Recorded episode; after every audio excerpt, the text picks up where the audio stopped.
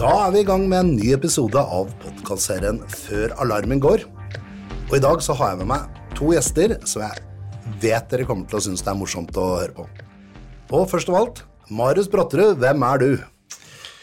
Ja, jeg er eh, Athea sin partneransvarlig i, i Fortnett, og det har jeg vært siden 2016.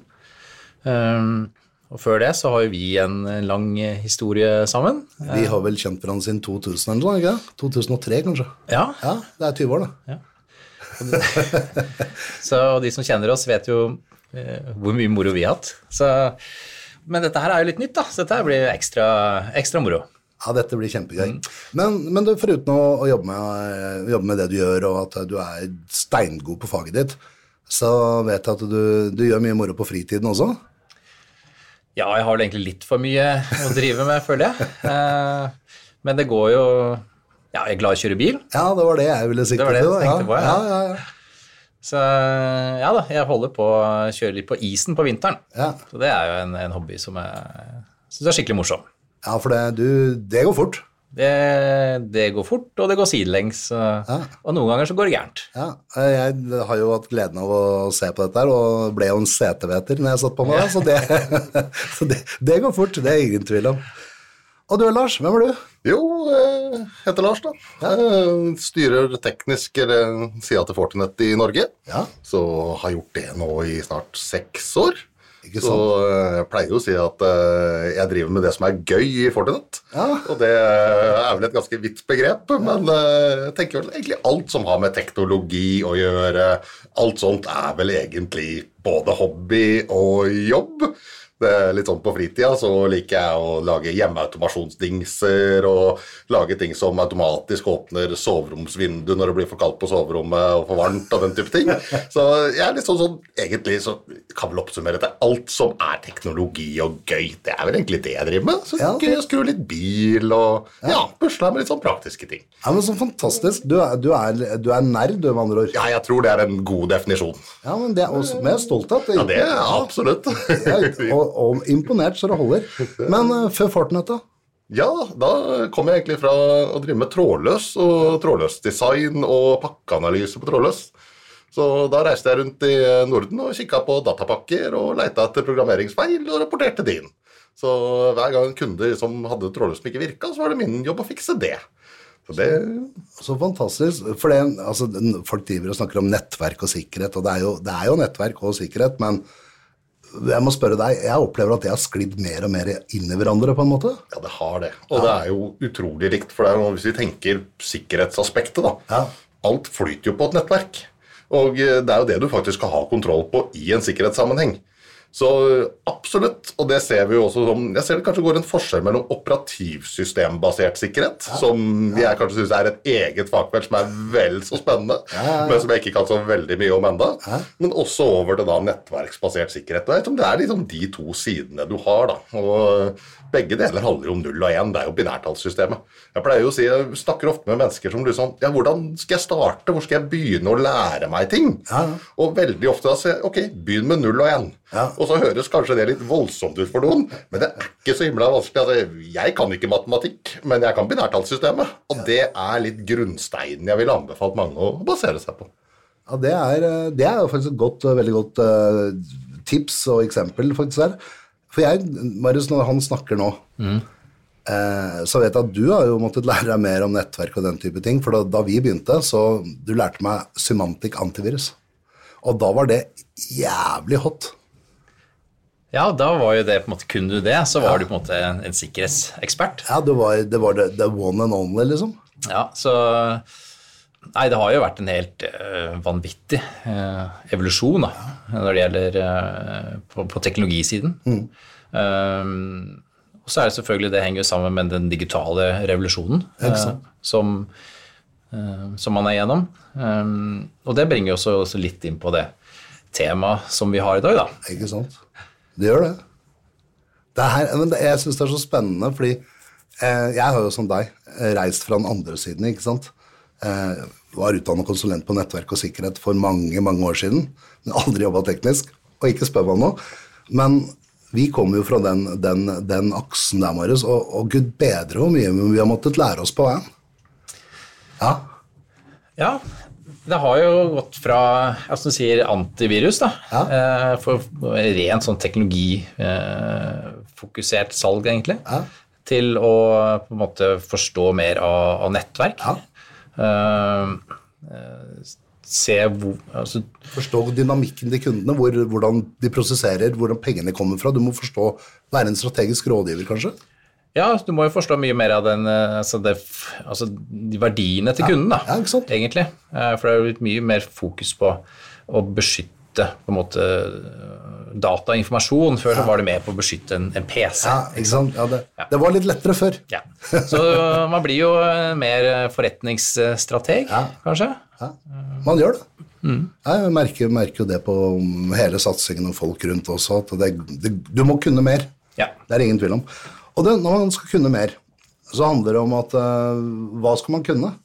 Og ikke minst, hva skal vi forholde oss til? Fordi det er jo vært litt sånn cowboylandskap det vi kommer til. ikke sant? Eh, Alle er eksperter, og alle kan, og alle mener, og det er flere Akkurat nå så tror jeg det er flere startups som prøver å selge IT-sikkerhet enn det er hackere. ikke sant? Så, så er, landskapet er litt komplisert. Og det har for så vidt myndighetene prøvd å gjøre noe med. Og da er spørsmålet hva har de gjort der, Lars? Jo, jeg tenker jo at uh, man har kommet med grunnprinsippene for IKD-sikkerhet, Ja. som jo er et kremeksempel på det. Ja, Og det er bra. Og, og jeg, ja, jeg satt og tenkte på det til morgenen i dag, for liksom, og, og leste litt for å forberede til hva vi skulle snakke om i dag. Da. Og hvis du begynner å se på NIS 2, som vi jo skal dypere inn i litt mm. etter hvert som vi skravler her, og også da egentlig eh, grunnprinsippene for IKT-sikkerhet, den rekka som kommer, det som er litt fint med det, er at de greier faktisk å treffe litt spikeren på hva det er vi bør passe på. Og eh, den samme dialogen har jeg gjerne med kunder når vi er ute og snakker. For som du sier, det er masse startups. Det er også masse, jeg ser bare for vårt eget selskap, vi har 74 sikkerhetsprodukter. Oi. Noen av de er eh, startups, vil jeg sagt, internt i firmaet. Altså en bitte liten god idé, ikke sant? Mens andre ting er jo rett og slett basic sikkerhet som alle burde ha. Når vi skal ut og diskutere med kunder og snakke, så har vi sånn, Den ene siden da, er jo teknologene, og vi som snakker og på en måte kan sette oss ned og kikke på en analyse i et verktøy som ser fantastisk ut, og du blir kjempegira fra et teknisk perspektiv på å titte på den. Så har vi den andre siden, som handler om det å faktisk finne de tingene til kunden som gir bedre sikkerhet. Og der syns jeg f.eks. NIS2, IKT grunnprinsippet osv. gjør en veldig god approach. Fordi det er veldig lett å bli glad i teknologien og tenke at ok, vi går rett den veien, for det her fant vi kul tech. Det var sånn vi gjorde det før. Ja, og, og det er utrolig gøy. Ja, Eh, men vi er vel kanskje kommet dit at vi er nødt til å jobbe på den basic. Vi, er, vi har ikke midlene til å dekke oppunder mot angrepsflaten vår hvis ikke vi faktisk klarer å finne det basice som gir deg mest return of investment, rett og slett, da, på sikkerheten. Ja. Og det er jo det er en veldig greie. Altså, vi, vi snakker om at det, du trenger ikke ha så innmari mye, du trenger bare ha nok. Ja. Ikke sant? Og hva, men hva er nok? Og det er jo litt det vi på en måte kommer rundt til. Men du, du slang jo ut ordet her og sånn, og det er jo, det er jo NIS 2 vi på en måte skal snakke litt om her i dag. Og for vår del, da, Marius, som på en måte er kanskje litt mer fra den kall det merkantile siden, Ja. så har jo vi Vi trenger jo en del sånne knagger å henge Ikke kall det salgsbudskapet, men forklaringsevnen vi bruker i enhver situasjon, ikke sant? Eh, Når vi er ute og prater med norske virksomheter, så skal vi ikke putte under en stol at det er oss som jobber kommersielt, som er Heimevernet i Norge. Det er vi som tar ut det myndighetene sier til norske virksomheter. Eh, og når vi da er ute, så trenger vi jo argumenter, og vi trenger å ha noe å referere til. Opplever du, Marius, at NIS2 vil fylle noen av de delene? Ja, absolutt. For det Altså, vi har jo tross alt jobber innenfor IT-sikkerhet. Um, og NIS2 er jo da naturligvis en, en etterfølger til, til NIS1, Mm. som, eh, som kom da i 2016. Og, og rettet seg egentlig spesielt mot eh, de organisasjoner som leverer eh, si, viktige tjenester, kritisk infrastruktur. Um, Ble det pålagt? eh, Ble det pålagt noe? Altså, det er jo en annen ting, da. Er ting pålagt eller ikke pålagt? Nei, Skal du altså- følge, skal du ikke følge? Så NIS 1 var jo egentlig utformet mer som et eh, rammeverk. Ja. Eh, Så der var det ikke egentlig noe som var pålagt. Ja, fritt valg? Ja, eh, ja Ikke et nødvendigvis fritt eh, valg. Eh, absolutt mye bra i NIS 1. Eh, og jeg er sikker på at veldig mange på en måte har, har gjort seg kjent med innholdet der og, og prøvd å etterleve det. Men eh, etter hvert som årene gikk, da, så har jo den egentlig blitt er det mange hull i den. da. Eh, den er mangelfull i forhold til den digitale revolusjonen da, som vi har sett innenfor, spesielt på OT-siden. Vi ser at IT og OT smelter mye mer sammen. Det er mye mer kritisk infrastruktur som går på tvers av landegrenser. Mm, og eh, den eh, definisjonen av hva som er kritisk infrastruktur, har jo blitt eh, skal si, Den lista har blitt mye større da, i? NIS 2. Det var jo sånn tradisjonelt typisk eh, bank, finans eh, eh, Offentlig til typ, sånne ting som var kritisk for nasjonal sikkerhet, liksom? Ja, og så har det nå blitt uh, utvida til å gjelde blant uh, posttjenester, eh, transport, Mat? eh, matproduksjon er ny på lista der. Um, og så har dette her nå gått fra å være et rammeverk til å være et direktiv, så nå er det faktisk noe man må gjøre. Um, og så vidt vi kjenner til, så har det aldri vært gitt noe straff eller bøter på, på NIS. Eh, Tror, du? tror, tror vi at Datatilsynet Nå kaster jeg bare opp et spørsmål her. Tror vi at Datatilsynet bruker kanskje det som grunnlag når de gir GDPR-bøter? Eller er det bare brudd på GDPR? Du kan si at De vil nok forholde seg til GDPR-en, som jo er i mye høyere grad i personvernloven i Norge. da. Ja. Når vi tenker på eh, NIS den siden, så er det jo litt sånn må du, må du ikke, er jo en veldig spennende diskusjon. Fordi eh, vi er jo ikke et EU-land, og dette er jo et EU-direktiv. Og så kan vi jo si at eh, jeg syns GDPR var et utrolig godt eksempel, fordi EU implementerte det. Det kom da i personvernlovgivning i Norge som reflekterer. Akkurat det samme regner vi med at vi skjer med NIS 2. Det som også er et aspekt av det, er jo akkurat samme husker jeg hadde ordrett samme setningene når vi snakket om GDPR. Det handler jo om at EU sine borgere, som da benytter seg av tjenester, eller noe som presenterer tjenester til et EU-land, vil være underlagt NIS 2. Jeg satt og hørte på noen ja. podkast for å preppe litt av den her, og da, de, de var jo fra UK, Ja. så de er jo truffet av brexit. Ja. Og i forhold til da, man sier altså tjenester som DNS, som vi jo alle benytter oss av, cloud-tjenester, service provider-tjenester, alle disse tjenestene vil være underlagt NIS 2. Og i praksis så vil det treffe store deler av Norge også indirekte, og direkte når Stortinget bestemmer seg. Det ligger jo oppe og skal, skal vel sannsynligvis gjennom som et direktiv. Om det blir akkurat likt blueprint EU, aldri, men vi kommer til å komme med noe lignende. Og Det er jo også derfor jeg syns det er så fint at vi sitter her i dag, og ikke om tre år. Fordi eh, nå har vi faktisk muligheten til å kanskje henge med i svingene. da. Ja, Jeg, jeg for min del er jo ingen regelrytter, altså sånn utpreget, men eh, jeg liker å ha ting til å forholde meg til. Ikke sant? Hva, hva slags opplæring skal vi gi til folk? Hvilke råd skal vi bruke? Ikke sant? Hvis vi får det litt definert, så tenker jeg at vi faktisk kan gjøre en enda bedre jobb med å få Norge sikkert. Vi som jobber kommersielt, Marius, eh, vil vi kunne få noen, noe drahjelp, noen fordeler av noen knagger vi kan henge ting på, så det gjør det lettere? Ja, jeg vil jo si at NIS2 er like mye et verktøy for oss som, som for kundene. Um, for det er jo også mye lettere for oss som jobber med dette her eh, profesjonelt, da, å ha et, på en måte, noen standarder å forholde seg til.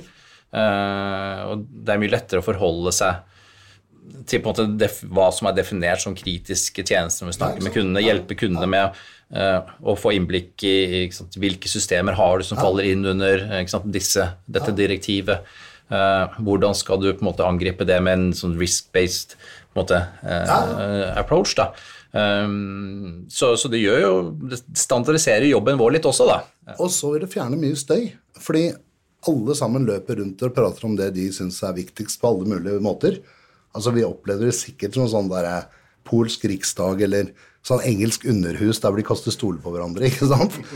Men da kanskje vi kan få en litt felles røst, og da blir det lettere for folk å skjønne hva vi mener også.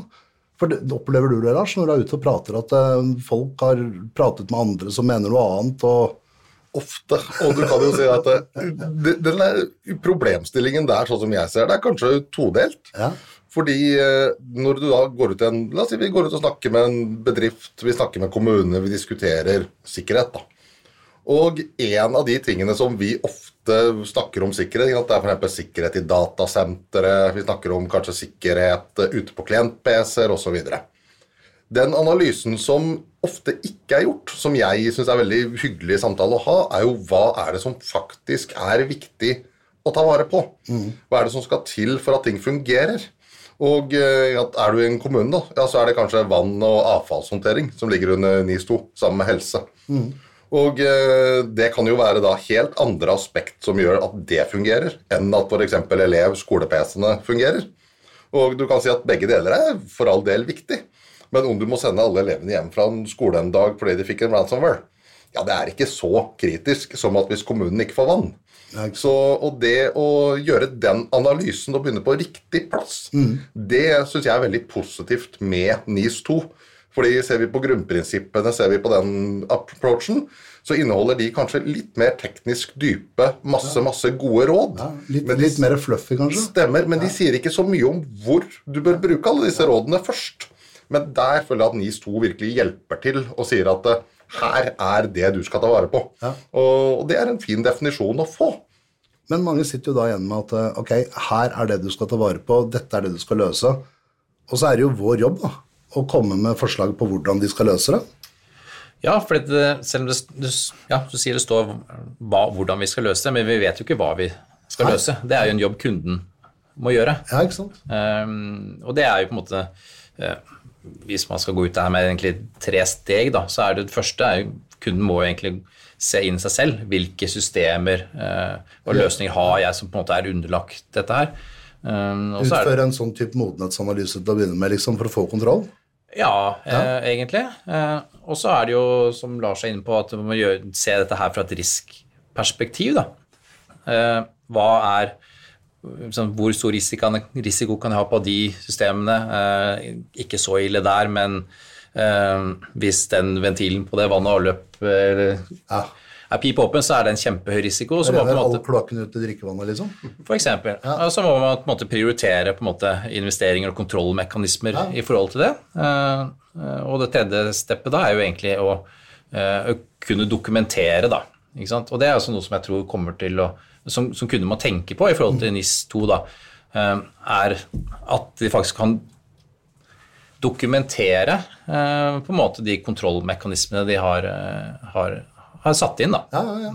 Og, det, og da trenger vi flere kanskje verktøy som overvåker, eller ikke kall det overvåker, men i hvert fall passer på at governance er, er innafor, da. Ja, og ja, jeg vet ikke, kan, kan, kan snakke litt om det som er en gang, men det er jo så NIS2, da, for å forstå det, ja. så er jo ikke dette her noe helt nytt som blir kastet på kundene. Um, hvis du går inn og ser på det, så er dette her eh, basert på en del eksisterende rammeverk og standarder. Da. Mange har f.eks. implementert ISO 27001. Eh, de følger NIST-rammeverket, kanskje. Så alle disse elementene ligger jo i NIST2, så veldig mange bedrifter har gjort veldig mye allerede. Så de som allerede har begynt å sette det på dagsorden, de får ikke en like stor bakke som de som på en måte kanskje ikke har tenkt på noe ennå, det er det du mener? Ja, riktig. Er det mange som har tenkt på dette? Jeg tror det er veldig mange som har tenkt på det innafor de domenene som man er vant til å tenke på det. Og med det så mener jeg, la oss si at vi sitter som IT-direktør i en bedrift, da. Så tror jeg at det er veldig lett å tenke på det å ha compliance, sikkerhetsrammeverk, innafor det som liksom er det tradisjonelle IT-systemet ditt. Så tror jeg prosenten av de som har tenkt på byggstyringssystemet som passer på varmen i bygget, eller over til de som har styringssystemer for la oss si alt fra vann, avløp, varme Alle på en måte sånne løsninger, om det er større bedrifter, kommuner, prosesser, spot on Ja, altså alle sånne ting, da. Der tror jeg at vi kanskje ikke er kommet så langt at så mange har tenkt på det enda. Og det å kanskje, det, det tror jeg noen kan, som sitter kanskje på begge sider i bedrifter, kan hente masse enkel kompetanse av hverandre. Og, og dette oppfordrer samarbeid, med andre ord. ja, absolutt. For det, her tror jeg på en måte man kan lære noe av hverandre. Og den ene tingen som jeg ser at vi IT-mennesker da, tradisjonelt sett har på en måte å lære av kanskje mange av de sektorene som nå kommer under NIS 2 etter hvert, det er risikostyring. Ja, fantastisk. Det er utrolig viktig å få med seg. fordi det, du kan si risikoen som jeg har på en måte lært veldig mye om etter vi begynte å jobbe aktivt den Operativ teknologi er jo en av våre store satsingsområder om dagen. ja. Og det å lære meg om soner Og når jeg tenker sone som en sikkerhetsmann, ja, så tenker jeg en barriere av en sone innafor en brannmur og noe sikkerhetsting. Innhjem, en- Når ja. du tenker soner i en operasjonell teknologisammenheng, ja, så tenker du en risikosone. Hvilken sone er dette? Hvis denne sonen min slutter å funke, Ja. stopper alt i hele verden Da eller stopper alle syltetøyglassene og går på samlebåndet, liksom. Ja, men hvis bare den ding som skrur igjen syltetøyglasset slutter å virke, ja, så er ikke det så farlig. Så det er en tankegang som i hvert fall har lært meg veldig mye, også inn i IT-design-prinsipper igjen. da. Fantastisk. Du, eh, vi snakker her om eh, NIS2 og GDPR og kaster litt rundt oss. Tror du det er enklere å til tilegne seg, eh, bli, få med seg NIS2 enn GDPR? Som, det var jo også litt slitsomt når det kom, var det ikke? Det var mange som syntes det var en brattpakke. Ja, og da var det, det var jo noe helt nytt. Ja, Uh, men som sagt så er ikke NIS 2, så lenge de forstår på en måte omfanget av det, så, er, så ser jeg at det er ikke noe, nødvendigvis noe helt nytt. nei. Eh, Det er lettere å få grep rundt. lettere å få grep rundt, eh, og veldig mange har mye av dette her implementert, så det er egentlig bare å få det mer inn på, kalle, på det man har av, av kritiske tjenester, da, egentlig. Eh, og det gjør jo også at sånn i forhold til vi som jobber profesjonelt, da, jeg ser i forhold til den IT-kompetansen vi setter på, sitter på, blir også mye viktigere inn, eh, inn i OT, Ja, produksjonsnett. Og, og, og vi har nevnt IT-OT flere ganger. Og det er liksom eh, mange som sliter litt med å forstå hva forskjellen på IT og OT er, og hvor slutter det ene, og hvor begynner det andre. og Jeg har mine meninger om det. det hva, hva tenker det, Lars? Hvor, begynner, hvor, hvor slutter IT, og hvor begynner OT? Så du kan si at OT begynner der du begynner å kontrollere logikk eller operasjonelle ting, er i mitt hode. Ja. Vi, vi har sånn gråsonesystemer der på en måte et IT-system styrer en panteautomat osv. Det er ikke operasjonell teknologi fra mitt perspektiv. Operasjonell teknologi er eh, roboter som styrer en fabrikk. Operasjonell teknologi er en eh, port på eh, La oss si en utkjøring, en ja, styring av en ja. oljeplattform. Det er den type ting, styring av vindmøller. Det er der vi bruker IP-kommunikasjon til å styre noe operasjonelt som faktisk gjennomfører et eller annet, ville vært min definisjon av det. Jeg er ganske enig med deg. Eh, det, vi, det vi ser, da Mange tenker at der har det vært et angrep mot OT når det er en helt tradisjonell server som blir tatt ned med et OT-management. Men det er jo ikke det. Det er jo tradisjonell IT, et tradisjonelt IT-angrep som vi har jobba med i 20 år. 30 år. Eh, Men det managementet, på baksiden av det managementet, som begynner å styre OT, det er, det er der grensesnittet går, sånn cirka, er det ikke? Jo, jeg ville sagt at det er akkurat der. For det du kan måtte si, og, og det tar meg også til sånn, Hvis vi tenker oss den PC-en da, som du snakker om her, som Ja, styrer. ja. Det jeg ser ute hos kunder, er veldig ofte den PC-en den er ganske godt sikra. Ja. Den har gjerne, om den har Windows Defender eller noe der fra oss, eller om den har en sprek form for antivirus, som vi Mm. snakka om eh, her i starten. Og så er det sikkert en Gen 10 på den antivirusen, men altså, den er godt sikra. Ja. Det som ofte ikke er så godt sikra, er det som ligger bak den. Ja. De kommandoene den sender ut om verifikasjon på at det faktisk går til en styringsenhet via protokoller som via Modbus, den type ting, den siden bak der, det er ofte et litt sånn sort hull. Og, og, og, og bare sånn, bare sånn, Du snakket om en annen type protokoll. Jeg tenkte bare lytterne får med seg. Ja. For når vi beveger oss inn i det operasjonelle verden, der hvor vi styrer roboter opp og ned, og det kalles PLS-teknikk ofte, ikke sant? Ja. Og det styres på et annet språk som kalles skada. Og det er litt mer et gammeldags. Og det, og det er ganske lett å manipulere, har jeg forstått. Ja, og du kan jo si at det som er, og, og der treffer vi nesten kjernen i utfordringa rundt den siden. Ja. Fordi hvis vi går, eh, la oss si 15 år tilbake, Ja. så var et skada kontrollsystem, det var en busskabel på 0-5 volt, og den sendte signaler. Og det å hacke den, ja da måtte du sette fra deg en dings, måtte du sende ut voltsignaler. Ja, og så var det ikke på internett. Nei, og det snakka ikke IP engang. Det snakka ikke IP-adresser sånn som resten av internett gjør. Det gjør det i dag. Og, det er, for Marius sa, dette er pga. Digitaliseringen. Ja. Ting skal gå fort. Og det vi har gjort, Marius, det er å dytte alt mulig rart rundt på internett, er det ikke?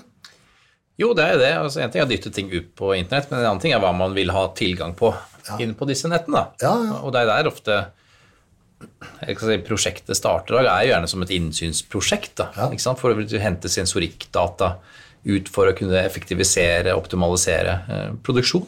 Og der har du måttet lære deg mye nytt. Ja. Ikke sant? Og, det, og du, nå blir du kasta inn i en helt ny verden der hvor, der hvor folk egentlig går rundt med en skiftenøkkel og ofte gul hjelm med lykt på, ikke sant? som har en helt annen approach til verden. Hvordan, hvordan samarbeider dere? Jeg tror på en måte at ansvaret og, og oppgaven her ligger på en måte hos bedriftsledelsen. Så dette er noe som egentlig kommer fra, fra, fra toppen og ned. da. Fantastisk. Um, så for å trekke den videre, så tror jeg som f.eks. om, et- om noen år uh, så kanskje vi ikke snakker OT-sikkerhet lenger i det hele tatt. som vi snakker om nå, Da, da snakker vi om IT-sikkerhet. For det er IT som vil inn. Nei, Og det, og det går Da må jeg spørre Lars, kanskje. Jeg tror ikke Marius kan det. Eh, For da slutter vi å prate gamle protokoller og kjører bare TCP-IP, altså språket som internett og maskinparken vår prater i dag, også i de landskapene? Er det det du tror? Absolutt. Og, og du kan si at det er både en sikkerhetsrisiko så Hvis vi tenker fra et risikoanalyseperspektiv, da, Ja. så kan du si at angrepsflater er noe vi fokuserer mye på om dagen. Hva er angrepsflaten din? Og det er også en del av NIS2 sin idé er jo rett og slett få styring på hva er angrepsflaten din.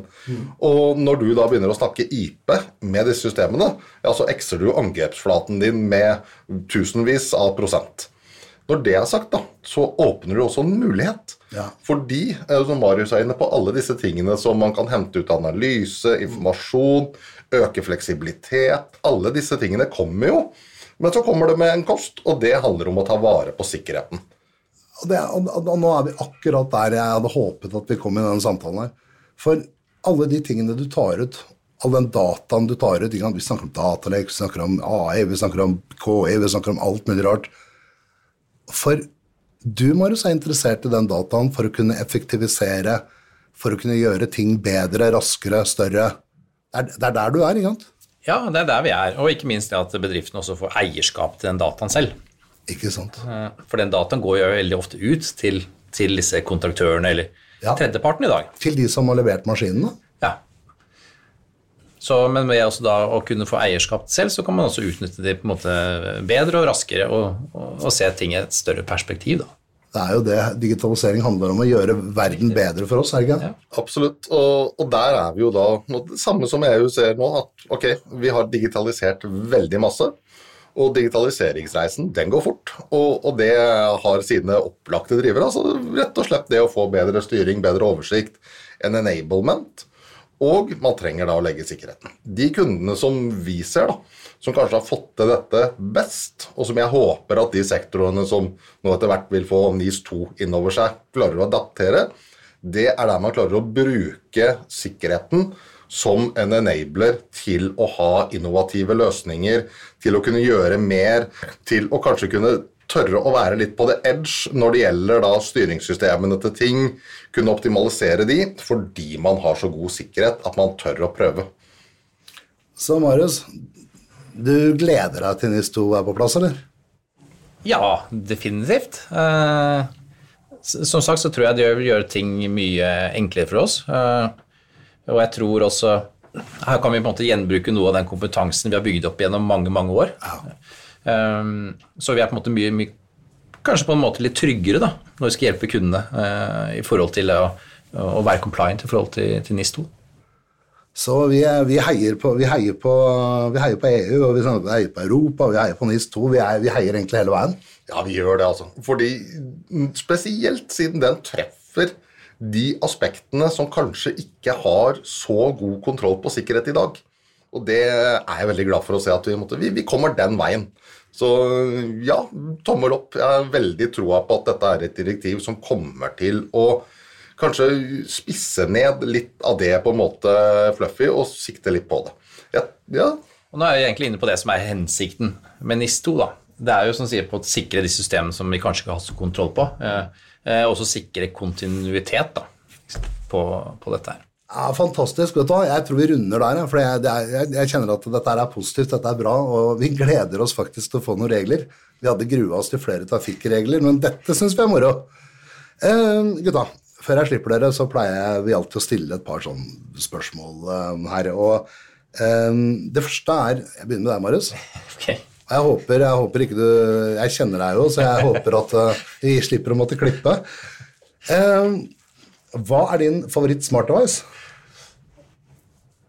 Ja, var ikke, ja nei. nei da, jeg tror det smarteste jeg har i huset mitt, er faktisk en smart-TV. Ja.